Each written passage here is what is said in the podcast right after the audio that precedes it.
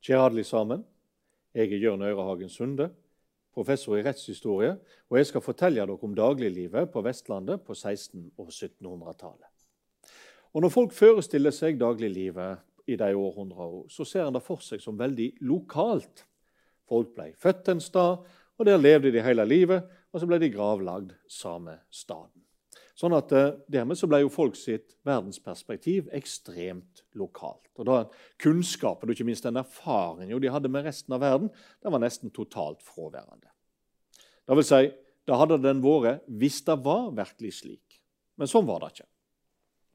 Årsaken til det er at Vestlandet var i samme situasjon som for så vidt resten av Norge har vært historisk. Det vil si at vi har hatt et stort overskudd av noen naturressurser og et akutt underskudd på andre naturressurser. Typisk så har vi hatt et overskudd på fisk, mye mer fisk enn vi sjøl kan klare, trenge. Og så har vi et underskudd på kodden. Vi har ikke produsert nok kodden i forhold til vårt behov. Og da Underskuddet da må utlignes, og da gjør en gjennom handel. En selger det en har for mye av, og kjøper det en har for lite av. Handel har derfor alltid vært en sentral del av Vestlandet sitt dagligliv. Og Da har vi jo selvsagt hatt Bergen som en stor handelsby, men det har òg foregått mye handel lokalt. Det skal jeg komme tilbake til, for først vil jeg snakke litt om Bergen. Bergen er jo spesiell. Det var i mellomalderen den største handelsbyen i Norge, og det var rett og slett en middels stor europeisk handelsby. Og Da ser vi òg av at Bergen hadde et stort omland som kom til byen for å handle. Imellom Trondheim og Stavanger, og Stavanger var en veldig liten by, så fantes det jo knapt andre byer. Hvis vi ser på Oslofjordsområdet, eksempel, så har du der Skien, Tønsberg, Oslo og Sarpsborg i mellomalderen. Som alle var handelsbyer, men de var på ingen måte på nivå med Bergen, som konsumerte et veldig stort omland. Og Du kunne jo se at Bergen var en by av et europeisk format når du seila inn på Vågen i mellomalderen. På venstre side av Vågen så møtte du først den store domkirka, St. Sunnivas kirke, som var større enn Håkonshallen. Så kom Håkonshallen, som bestod av to haller og Rosenkrantz-tårnet. Men i tillegg så hadde du jo apostelkirka, og så hadde du dominikanerne, dominikanerne sitt kloster, og så hadde du biskopen i Bergen sitt palass. Altså Det var et stort bygningskompleks, alt i stein, alt vitner om velstand og storhet. På høyresida så hadde du erkebiskopen sitt palass. Erkebiskopen holdt jo til i Nidaros, dagens Trondheim. Men han hadde selvsagt et palass i det som på 1200-tallet fungerte som noe vi kan kalle en slags hovedstad. Hovedstad fantes det ikke i mellomalderen, men Bergen var det nærmeste vi kommer. Og Derfor hadde erkebispen her et stort palass på høyre side av Vågen. Og Når vi seiler inn i Vågen, så ser vi jo først og fremst byen på, på eh, venstre side. Og på oppe på høyre side oppe på Nordnes så ligger jo Munkeliv kloster, et sant Michaelskloster som ruver over byen. Og Generelt i byen så finnes det jo et tjuetalls kirker, steinkirker med kirkespir sine kirkeklokker. Du ikke bare ser byens velstand i form av alle kirkespirene, men du hører det i form av alle de ringende kirkeklokkene. Dette har vært en stor handelsby. En by som tiltrekte seg handel fra hele Nord-Europa. Når vi kommer ut på 1600- og 1700-tallet, så ser byen rett og slett litt annerledes ut. Den er litt mindre imponerende. St. Sunniva kirke er reven. Det er også apostelkirka. Dominikanerne sitt kloster er der ikke lenger. Det er først og fremst Håkonshallen og, og Rosenkrantztårnet. Erkebispen sitt palass er òg vekke. Der skal Nykirken komme.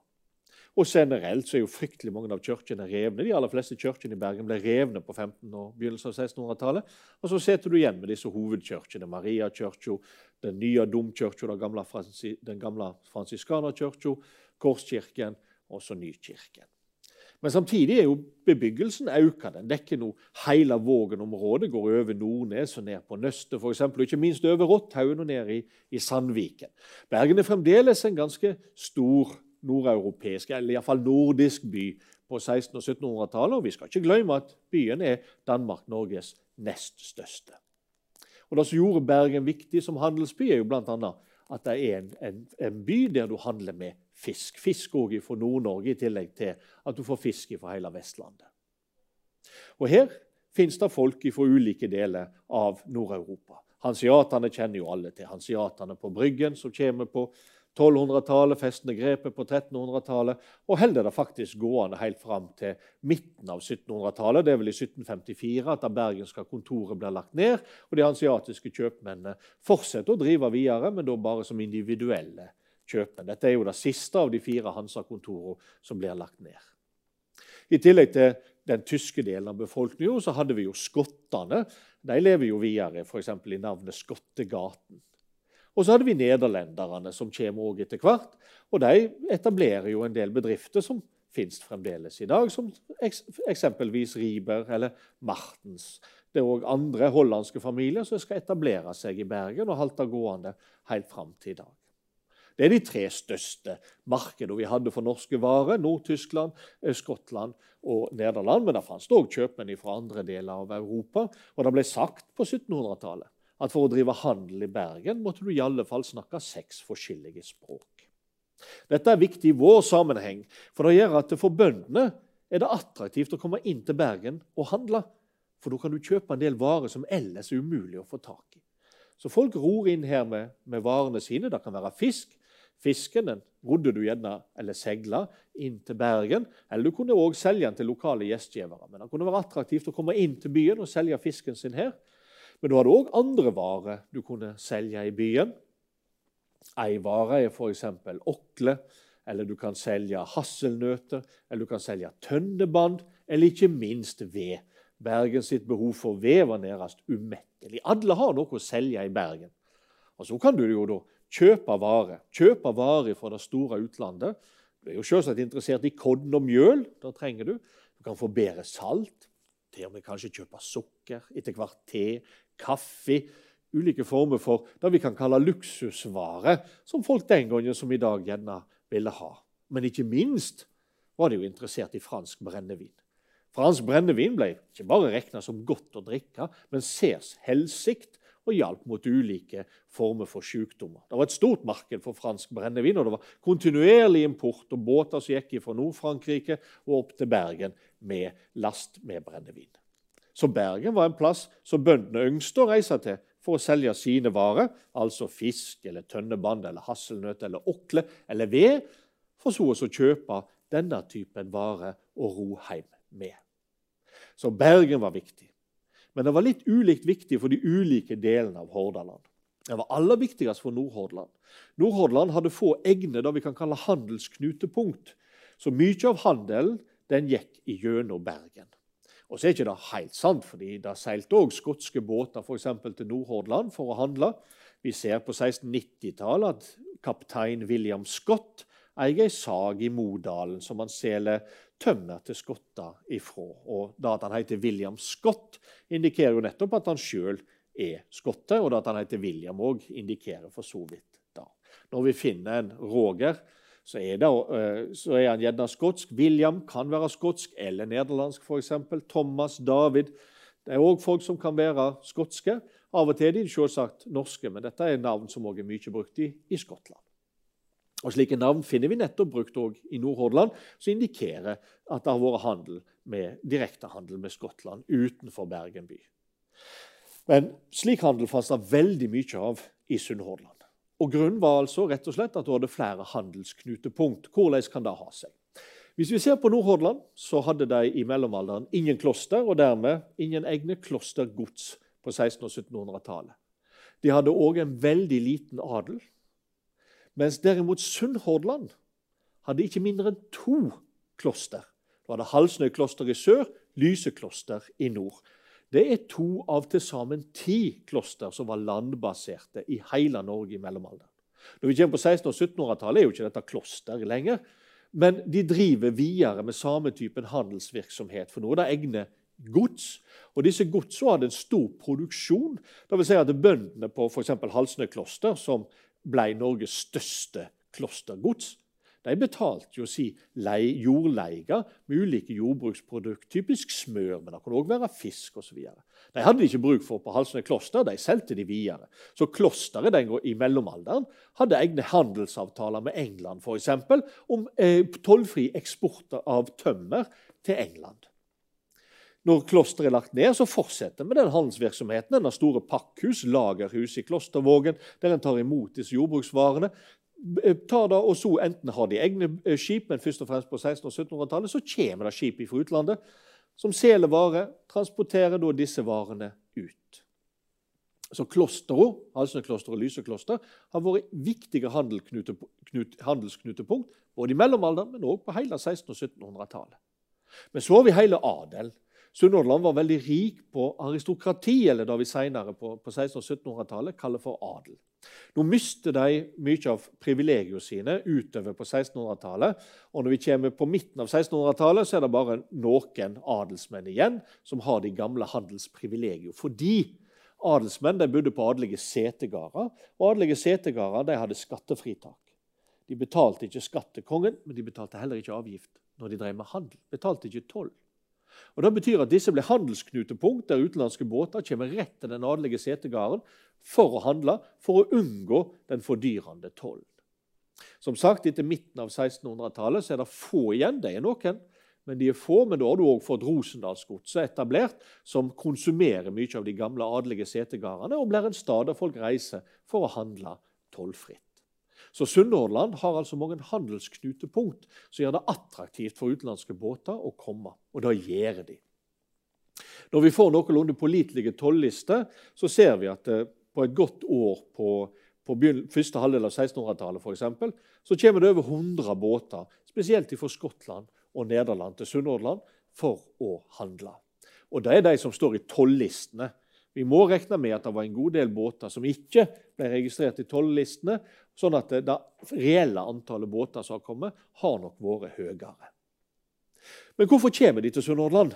Det er for å handle med en annen vare enn det Bergen er stor på, som er fisk, og det er for å handle med tømmer.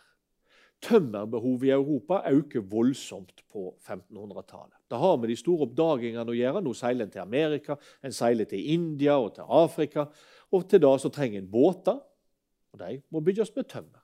Men en har jo med seg masse rikdom hjem som gjør at byene vokser. Byene de trenger òg tømmer i sin ekspansjon.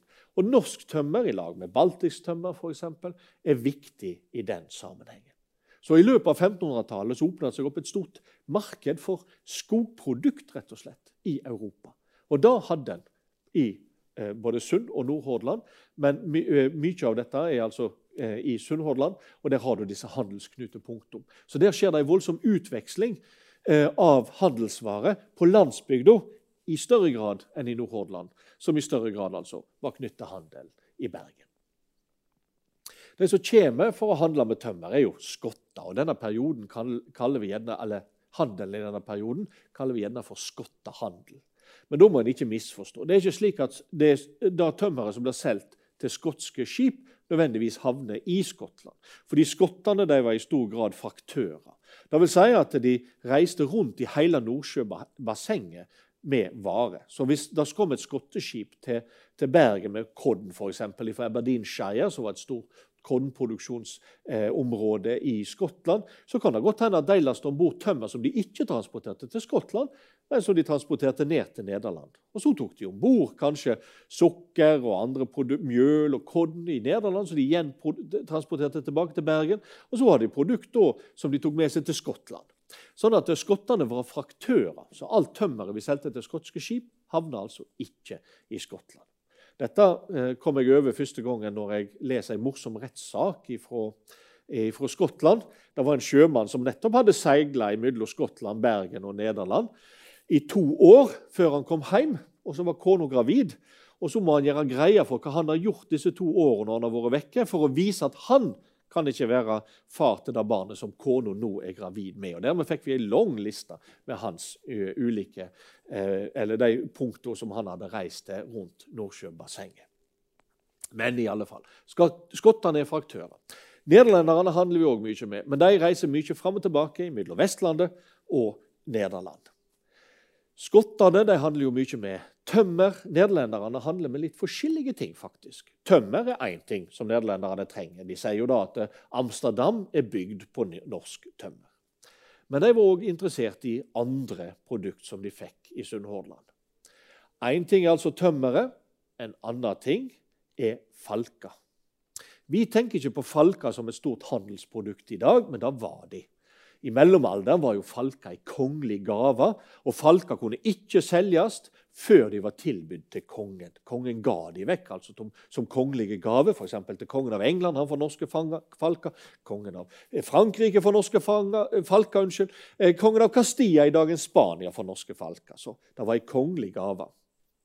Når vi kommer ut på, på 1600-tallet, så har da systemet forvitra helt. Og Det vi ser nederlenderne gjøre, er at de kommer kanskje for å handle tømmer på våren, og så setter de falkefangere i land som, for, som, inngår en avtale med lokale bønder, som gjerne eier gårder, og ikke minst da fjellområdet opp mot Folgefonna, der de ligger hele sommeren for å speide, finne falkereirer på akkurat rette tidspunktet fange falkene. For så tar de med seg ned, og når da høsten kommer og skipene kommer tilbake med last for andre gang, så går de om bord og så blir de med tilbake til Nederland. Så falka er et sånt produkt som eh, nederlenderne er interessert i. Et annet er røysekattskinn. Røysekattskinn, og spesielt vinterskinnet, det ble i Jämtland kalt for arabisk gull, fordi det ble jo solgt til bl.a. arabiske land. Det har vært attraktivt over hele Europa. altså Sånne hvite kongekapper de var jo lagd av vinterskinnet til røysekatt. Sånn at eh, Da har de bøndene helt sikkert drevet oss og fanga, og så har de solgt det til nederlandske eh, båter. Men så har vi et annet produkt igjen som, som var ganske så svært, og det var hummer. Nederlenderne begynner å importere eller kjøpe hummer fra Norge allerede på 1600-tallet. Da reiser de først og fremst til Sørlandet. Men etter hvert som hummeren blir utfiska der, så kommer de lenger og lenger oppover til Ryfylke, så kommer de til Sunnhordland. De kommer aldri lenger opp enn til, til Sunnhordland, der de f.eks. Eh, har ei havn der de henter hummer sør på Bømlo. De har ei oppe på Austevoll. Og så har de f.eks. Luksundet, eller det området der mellom Tysnes og, og, fastlandet Kvinnherad, hvor de òg har, har henta hummer. Så hummer ble etter hvert et kjempestort produkt som vi eksporterte til Nederland. Så, så nederlenderne hadde mange forskjellige produkt som de henta nettopp i Sunnhordlandsbassenget, men de henta altså òg tømmer som skottene var interessert i. Dette gjorde at bøndene hadde flere marked. De kunne ro inn til Bergen og selge varene sine eller de kunne prøve å selge dem direkte til disse skipperne. Disse skipperne de hadde jo opprinnelig lagt til ved, ved klosteret, de to store klostrene, Halsnekloster og Lysekloster, og ved de adelige setegardene. Etter hvert som de forsvinner, så er det jo Rosendalsgodset, som er ei stor havn, der du får skotske og, og nederlandske eh, skip. Men så har du òg generelt alle gjestgiverstedene. Der legger de gjerne til der, for at det er knutepunkt der folk kommer roende med sine varer. Det kan altså være tømmer, det kan òg være produkt av tømmer. Typisk så solgte en eh, i Bjørnafjordsområdet, altså mellom Os og, og, Strandvik, så produserte en jo båter som en satte sammen. Så tok en de fra hverandre som et slags som byggesett, og så solgte en det da spesielt kanskje til, til skotske skip. Så en solgte òg den type produkt, men så var det de samme som du, du solgte inn i byen. Typisk tønneband, hasselnøtter, okle osv., slik som du produserte på gården på vinteren. Og så kjøpte du da varer direkte fra disse båtene, som altså kunne være sukker og kaffe. Men det kunne òg være noe som de var veldig glad i, nemlig fargerike klær altså klede som du kunne lage klær av, fargerike bånd eller perler. altså Rett og slett luksusting som folk kunne gi til kona, så hun kunne lage seg flotte klær som hun brukte. Det vi i dag kjenner som bunad. Så når du kom til Kirkes i Sunnhordland, så kunne du faktisk se kontakten med, eh, med omverdenen gjennom de perlene, de fargerike båndene og de fargerike klærne som folk hadde, som de hadde kjøpt av disse båtene som kom for å handle i Sunnhordland. Så Det var altså et marked, ikke bare for ting folk trengte, som mjøl og korn, eller for, folk, ting, mat som de atro, som sukker f.eks., men òg denne typen produkt. Og Det gjorde at det ikke bare ble solgt direkte for disse båtene som kom fra utlandet, men noen kunne rett og slett livnære seg med å seile mellom Bergen og Stavanger. To havner der du nettopp kunne kjøpe den typen produkt, og så solgte de de på landsbygda imellom de to store byene. En slik var Kristoffer Jensen. Han kjenner vi rett og slett til fordi båten hans gikk ned i Bjørnafjorden under en storm i 1690. Han drukna sjøl. Men arvingene gjorde krav på eh, verdien av det som hadde gått ned med båten, fordi det ble redda. Det var gjerne slik at når det hadde vært en storm, så kunne folk sende ungene sine ned i fjøra for å leke og gi beskjed om de fant noe. De fant rester av en båt, det kunne være rester av et seil, av en mast, av eh, skipsplanker, eller andre produkter som hadde skylt i land, eller eple. Da ser vi at uh, sunnhordlendingene og nordhordlendingene etter en storm var interessert i om det var skylt i land eple. For da regna de med at det hadde gått ned en båt som hadde eple blant provianten sin. Og I dette tilfellet så kom ungene springende opp til gården med tre epler. Og Da er alle mann ute. Da vet de at det har gått ned en båt. Nå skal de se om de kan berge i land noe av det som er, er blitt, uh, har skylt i land. Og I dette tilfellet så var det nettopp den typen produkt som Kristoffer da Jensen solgte til et marked som yngste luksusprodukt. Altså, hva finner vi i, i, at i land? Engelske sokker. Sokker til kvinner, barn og menn, som de ville ha. Eh, silkenattkjoler, silkeskjorter, ulike hatter, engelske klær, altså tøy som du kan sy klær av. Og så selvsagt da du skal sy med synåler osv. osv. Det vi ser, er altså at han selger den typen vi kan kalle det luksusprodukt. Du trenger jo ikke ei silkenattrøye, som folk gjerne vil ha, som gir status, gir komfort. Og han må ha tjent ganske bra med penger, for da eh, skal òg ha gått tapt i det eh, skipsuhellet en pung med 100 riksdaler igjen. Altså en tjenestelønn for en tjeneste, eh, årslønn unnskyld, for en tjenestedreng er ca. seks riksdaler. Kristoffer Jensen har tjent ganske godt på denne handelen. I dette tilfellet så er det jo rett og slett en slags vrakplyndring. Selv om båten har gått ned, så da skyller de i land en rar varer som disse folk jo bare tar. Eh, og så kommer det naboer og ser at de driver og plukker opp varer fra stranda, men de får bare et par sokker, så blir de bedt om å gå hjem og tie stilt. Det gjør de ikke. De får for lite. Og Derfor så rapporterer de til Futen, og det er slik vi kan vite noe om dette, fordi vrakplyndring av denne typen det var grovt tjuveri. Og det ble straffa med brennmerking og offentlig pisking. Så vrakplyndring var ikke et ukjent fenomen, og det ble straffa strengt. Problemet var jo at hvis du var litt lurere og delte med naboene dine, så var det nesten umulig at den ble rapportert inn. Fordi folk bodde så langt ifra hverandre, var naboene i ett område, delte de imellom seg, og alle ble enige om å tie stilt om det de hadde funnet, så fikk en ikke vite noe som helst. Derfor var òg bergingslønnen ganske høy hvis en fant noe enten ute på havet eller som var skylt i land, så fikk en bergingslønn hvis en rapporterte dette til myndighetene. Var det skylt på land, så fikk du en tredjedel av verdien når det ble solgt på auksjon. Var det ute på det åpne havet, fikk du halvparten av verdien. Og Det var fordi det var så lett å, å skjule at du fant noe, at bergingslønna måtte være veldig høy. Hun var òg høy i en internasjonal kontekst. Dette ser vi fra en sak fra eh, Aberdeenshire, altså området rundt Aberdeen, på, på 1600-tallet. Eh, for der, der er skottene med på å berge lasta fra et norsk skip.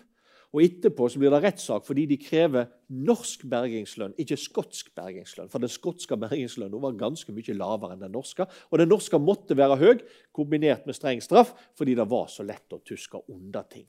Og Da ser vi at folk gjorde òg jevnt. Men det som er interessant her, er jo at langs kysten, og, og mer i noen områder enn andre, så skyldte det med jevne mellomrom i land last ifra skip som hadde gått ned og Det kunne være ganske så eksotiske varer. For så finner vi at det er skylt i land peper, fransk brennevin, som folk var spesielt glad i, eller hvitvinseddik, som jeg ikke vet om de hadde like mye bruk for. men i alle fall, det skylt noe i land. Det kunne være bøker. Men så har vi jo selvsagt alle klærne. Silkeskjorte, sokker, eh, tøy osv. som folk var interessert i, og som de gjemte vekk. Og så hadde vi mer sånn ting som folk hadde bruk for i, i hverdagen eikebord. Alt av eik, om det var eh, tønnestaver i eik eller eik fra en mast eller hva som helst, da gjemte folk unna. Da tok de, for eik var et attraktivt tremateriale. Og så har vi jo alt av jadn. Et skip er jo klinka sammen med jadnagler. Så alt det du kunne ta ut av jadnagler, da tok folk ut tok vare på, smelta om. Og så støypte de seg økse, f.eks. Vi vet de støypte seg fiskelodd. Vi vet de støpte seg jaddskjæringer til gryter, altså disse, disse, krokene eller dette heisesystemet du har for gryter som henger over varmen. Alt dette ser vi blir lagd av skipsnagler som en sanker sammen. og smir om til nye produkter som en hadde bruk for. Så det vi ser, det er jo at eh, folk kunne oppsøke verden med å reise til Bergen, som var en internasjonal handelsby, et stort fiskemarked der det også fantes mange andre varer som folk kunne attrå. og Da kunne de selge sine produkter og så kjøpe disse varene. Men spesielt i Sunnhordland, delvis òg i Nordhordland, men spesielt i Sunnhordland, så hadde du mange handelsknutepunkt som gjorde at verden kom direkte til sunnhordlendingen. Som gjorde at han enkelt på deres gjestgiverstad eller i Klostervågen eller på Baroni Rosendals jordgods kunne handle til seg disse ulike produktene. Og fordi det fantes et marked for slike produkter, så var det noen som, som drev som handelsfolk, som reiste opp og ned langs kysten, som den alt nevnte Kristoffer Jensen f.eks., som reiste mellom Bergen og Stavanger. Men så hadde vi altså skipsforliser. Da at skip gikk ned og varer skylte i land. Vi vet jo enten når, om dette enten fordi folk rapporterer det inn for å få bergingslønna si, eller fordi de blir tatt for å skjule den typen vare. Hvor ofte dette skjedde, vet vi ikke noe om, men skipsforlis var ikke uvanlig. Men her var det jo store variasjoner. Flest sånne forlis finner vi rapportert fra Sveio og søndre delen av Bømlo, oppover Fitjar, Austevoll, og så kommer vi jo til Askøy, Sotra og ikke minst Herdla, som er en plass der det er veldig mye skipsforlis. Og det var rett og slett slik at når det hadde vært storm, ja, så sto folk og speida utover havet for å se. Kunne det være at de så ei tønne med fransk brennevin eller et skipsvrak? Og Så sendte de ungene ned i fjøra for å lete etter, etter skipsvraksdeler, eventuelt da eple. Og hva, Fant de noe, ja, så var det verdt å ro ut for å se om de kunne få, eh, finne noe mer. Et eksempel på dette har vi fra Sveio eh, fra 1707. Andre juledag så står bøndene i Sveio og speider utover for å se om, vært, eh, om de ser noe skipsvrakt etter den stormen som har vært rundt julaften og første juledag. Og det gjør de. Langt der ute, langt ifra land, imellom to skjær, så kan en så vidt skimte at det er sett fast et skip. Og De som ser det, de hiver seg i båtene og ror utover så de er galne.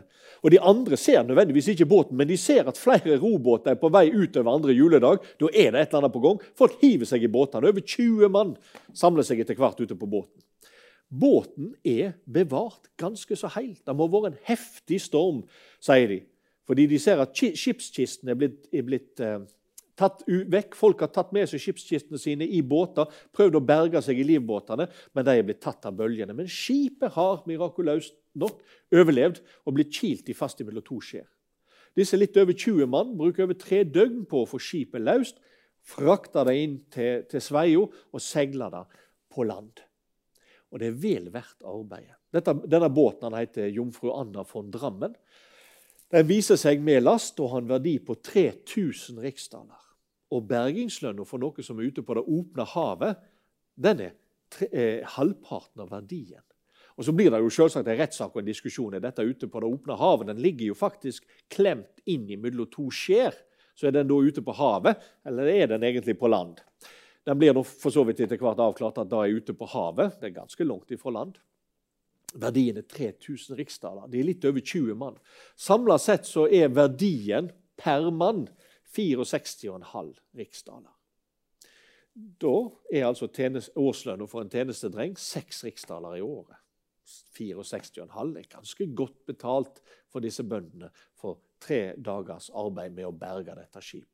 Så ikke bare fikk de eksotiske varer fra verden, men da å bo langs kysten og redde hele vrak kunne gi ganske voldsom ekstrainntekt for bøndene der.